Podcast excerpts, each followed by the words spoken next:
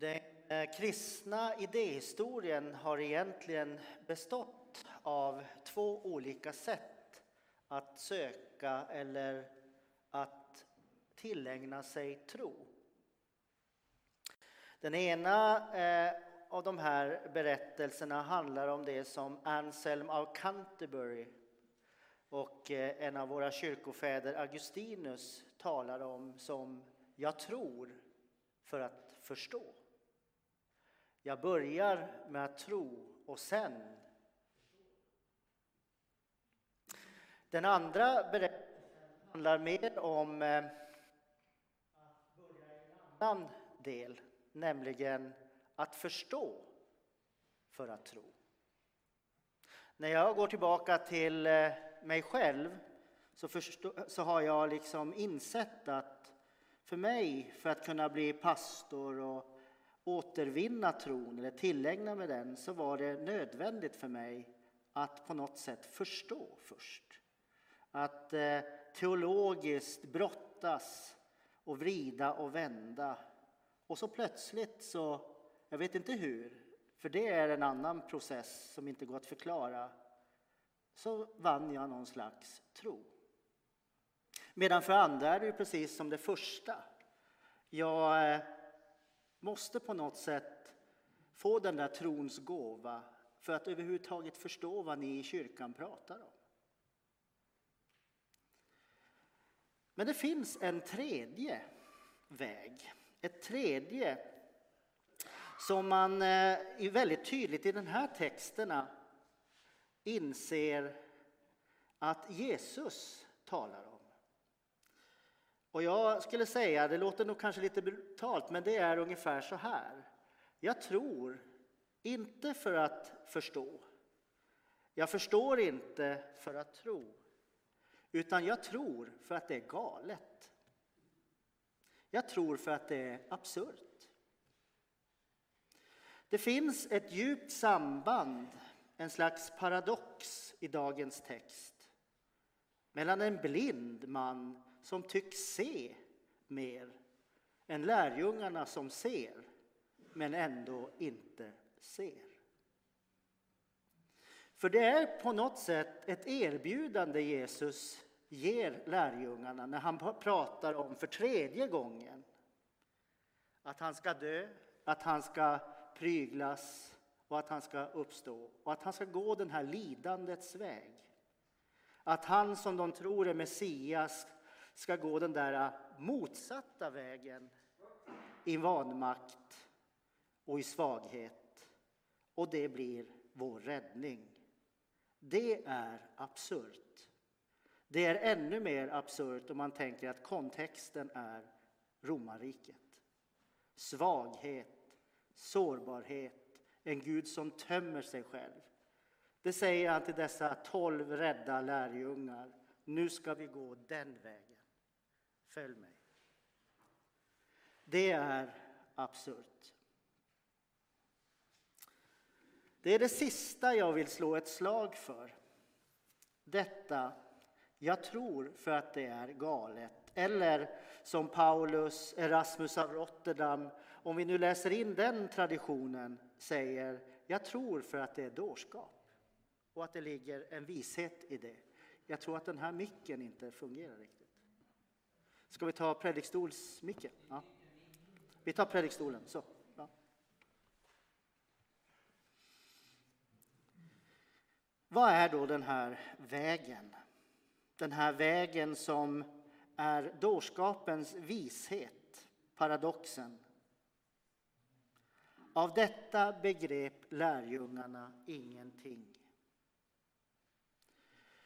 Evangelisten Johannes säger att den här vägen handlar om någonting så märkligt som ett döende. Ett vetekorn som måste falla till marken för att dö. Annars blir det ett ensamt korn. Det är som om Jesus säger att det är den enda rörelsen som är förutsättningen för den här vägen. Att någonting måste falla till marken. Hos oss, hos Gud, i hela tillvaron för att någonting nytt ska ge liv. Det är någonting annat än det där att försöka söka tron som om jag har kontroll över den, intellektuellt såväl som känslomässigt. Det är bara detta egentligen, säger Jesus, att dö, att falla till marken. Vad är det det då? För det är ju inte bara döden som en livsform. Kanske är det habegäret. Eller som eh, Nauen säger, André James Nauen, trappistmunken och professorn. En av de största frestelserna som en ledare och en kyrka kan ha är att bli relevant, populär och att ha makt. Är det det Jesus menar när han säger att vi måste falla till marken och dö för att kunna få liv? Kanske känner vi igen den rörelsen allihopa. Det där med att släppa taget om de där sakerna som vi tror vi har vår rätt i eller har våra begär i.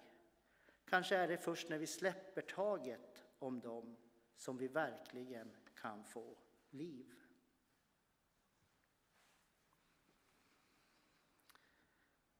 När jag talar om dårskap så talar jag inte om irrationalitet eller slump.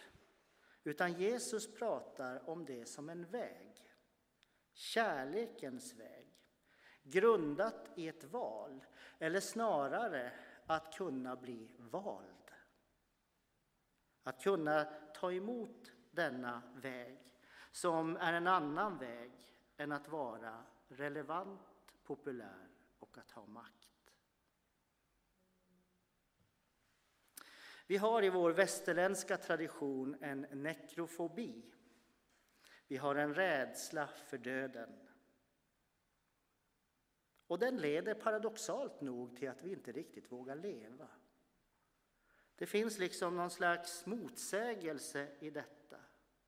Att ju mer vi skjuter ifrån oss döden är dödens tillvaro och verklighet, som ju är en alla människors verklighet, så leder det paradoxalt till att vi heller inte kan leva fullt ut. Och det är liksom det som Jesus säger till sina lärjungar. Er befrielse ligger i den här döden. Kanske inte som livsformen, utan just att definiera sig på ett annat sätt. Att inse att det viktigaste i livet inte kan erövras utan måste tas emot som en gåva. Det här präglar ju också säkert vår vardag. Anna Kågström, författarinnan från Västerbotten, hon skriver i en av sina böcker en episod som handlar om en tonårsflicka som går in på Hennes och Maurits och så går hon in på hennes och Maurits och så går hon fram till jeansavdelningen.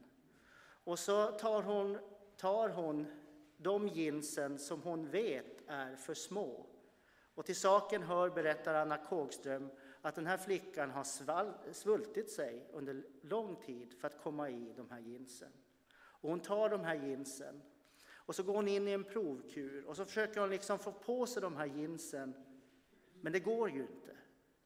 Och till sist så faller hon bara ihop i den här provkuren och faller ner på marken gråtandes. Och samtidigt som hon gör det så hör hon plötsligt att i kuren intill är det en annan flicka som gråter också. Det finns någonting i vår kultur som handlar om det här att alltid mäkta med, att alltid leva upp till. Att alltid vara som alla andra som man alltid tror är bättre. Den här onådens väg. Där vi alla egentligen bara skulle vilja säga, precis som den blinde mannen, Herre, förbarma dig. Låt mig få falla. Det var som eh, en kampanj en evangelisationskampanj för länge sedan då man ville starta väckelserörelsen här i Stockholm igen. Och så ville man eh, på ett fält slå upp ett tält. ni vet de gamla tältmötena. Och så la man det här tältmötet, eller det här tältet skulle ligga vid vägen där Stockholmsborna pendlar på morgonen och på kvällen. Så då skulle de se de här tälten och så skulle det vara en banderoll på det här tältet som gjorde att man åkte in och så gick man in i det här tältet till det här väckelsemötet. Då. Och då var ju diskussionen, hur ska man, vad ska det stå på den här banderollen? Och då var diskussionen, jo men eh, det, det, borde ju egentligen stå Jesus lever. Ja, men det är bra. Och, så, och det här är säkert pingströrelsen, de skriver sånt. Så, och då skrev de på banderollen Jesus lever. Och det är ju sant. Men så var det en, en person som jobbar eh, inom eh, journalistik och marknadsföring och han, han var inte så där jättetroende, men han, han sa, jag vet inte, jag tycker det, det träffar det verkligen rätt, de här stressade Stockholmsborna? Är det verkligen det? Förstår de vad det här menas med Jesus lever? Kan inte jag få tänka ett dygn på vad som skulle kunna stå på den här banderollen? Så gjorde han det. Och så kom han tillbaka och den här styrelsen och ordföranden och alla de där de var entusiastiska för nu skulle de få veta vad som skulle stå på banderollen. Och så sa han, nu har jag tänkt över natten. Och då tänker jag så här, de här stockholmarna som åker efter den här vägen, jag tror inte de liksom förstår det här att Jesus lever. Men jag tror de längtar efter någonting. Och därför ska det stå på banderollen, kom hit så får du dö. Jaha, hur tänker du då? Jo, jag tänker att man, man kör barn till dagis och man ska hinna med och man ska göra karriär. Man ska leva upp till det lyckliga livet i alla dess former. Och man lever redan långt utöver vad man egentligen klarar av. Och någonstans tror jag att varje stockholmare, eller i alla fall väldigt många, hellre blir nyfikna.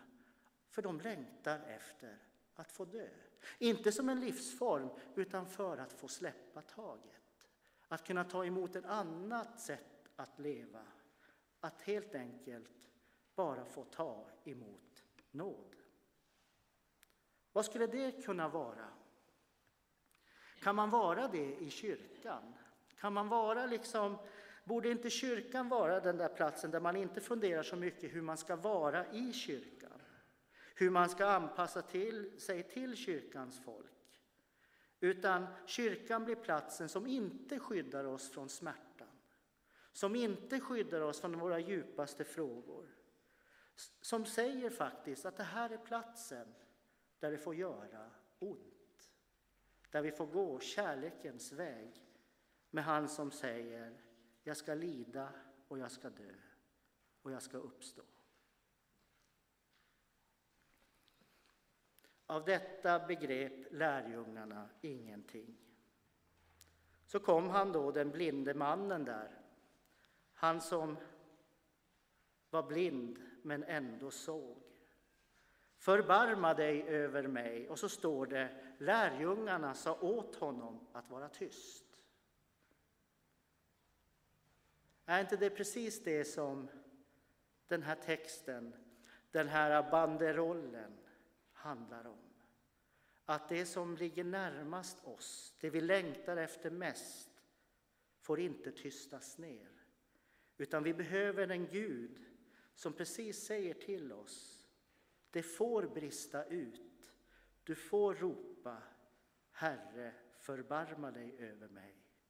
Och då kanske du hör det där svaret av Jesus.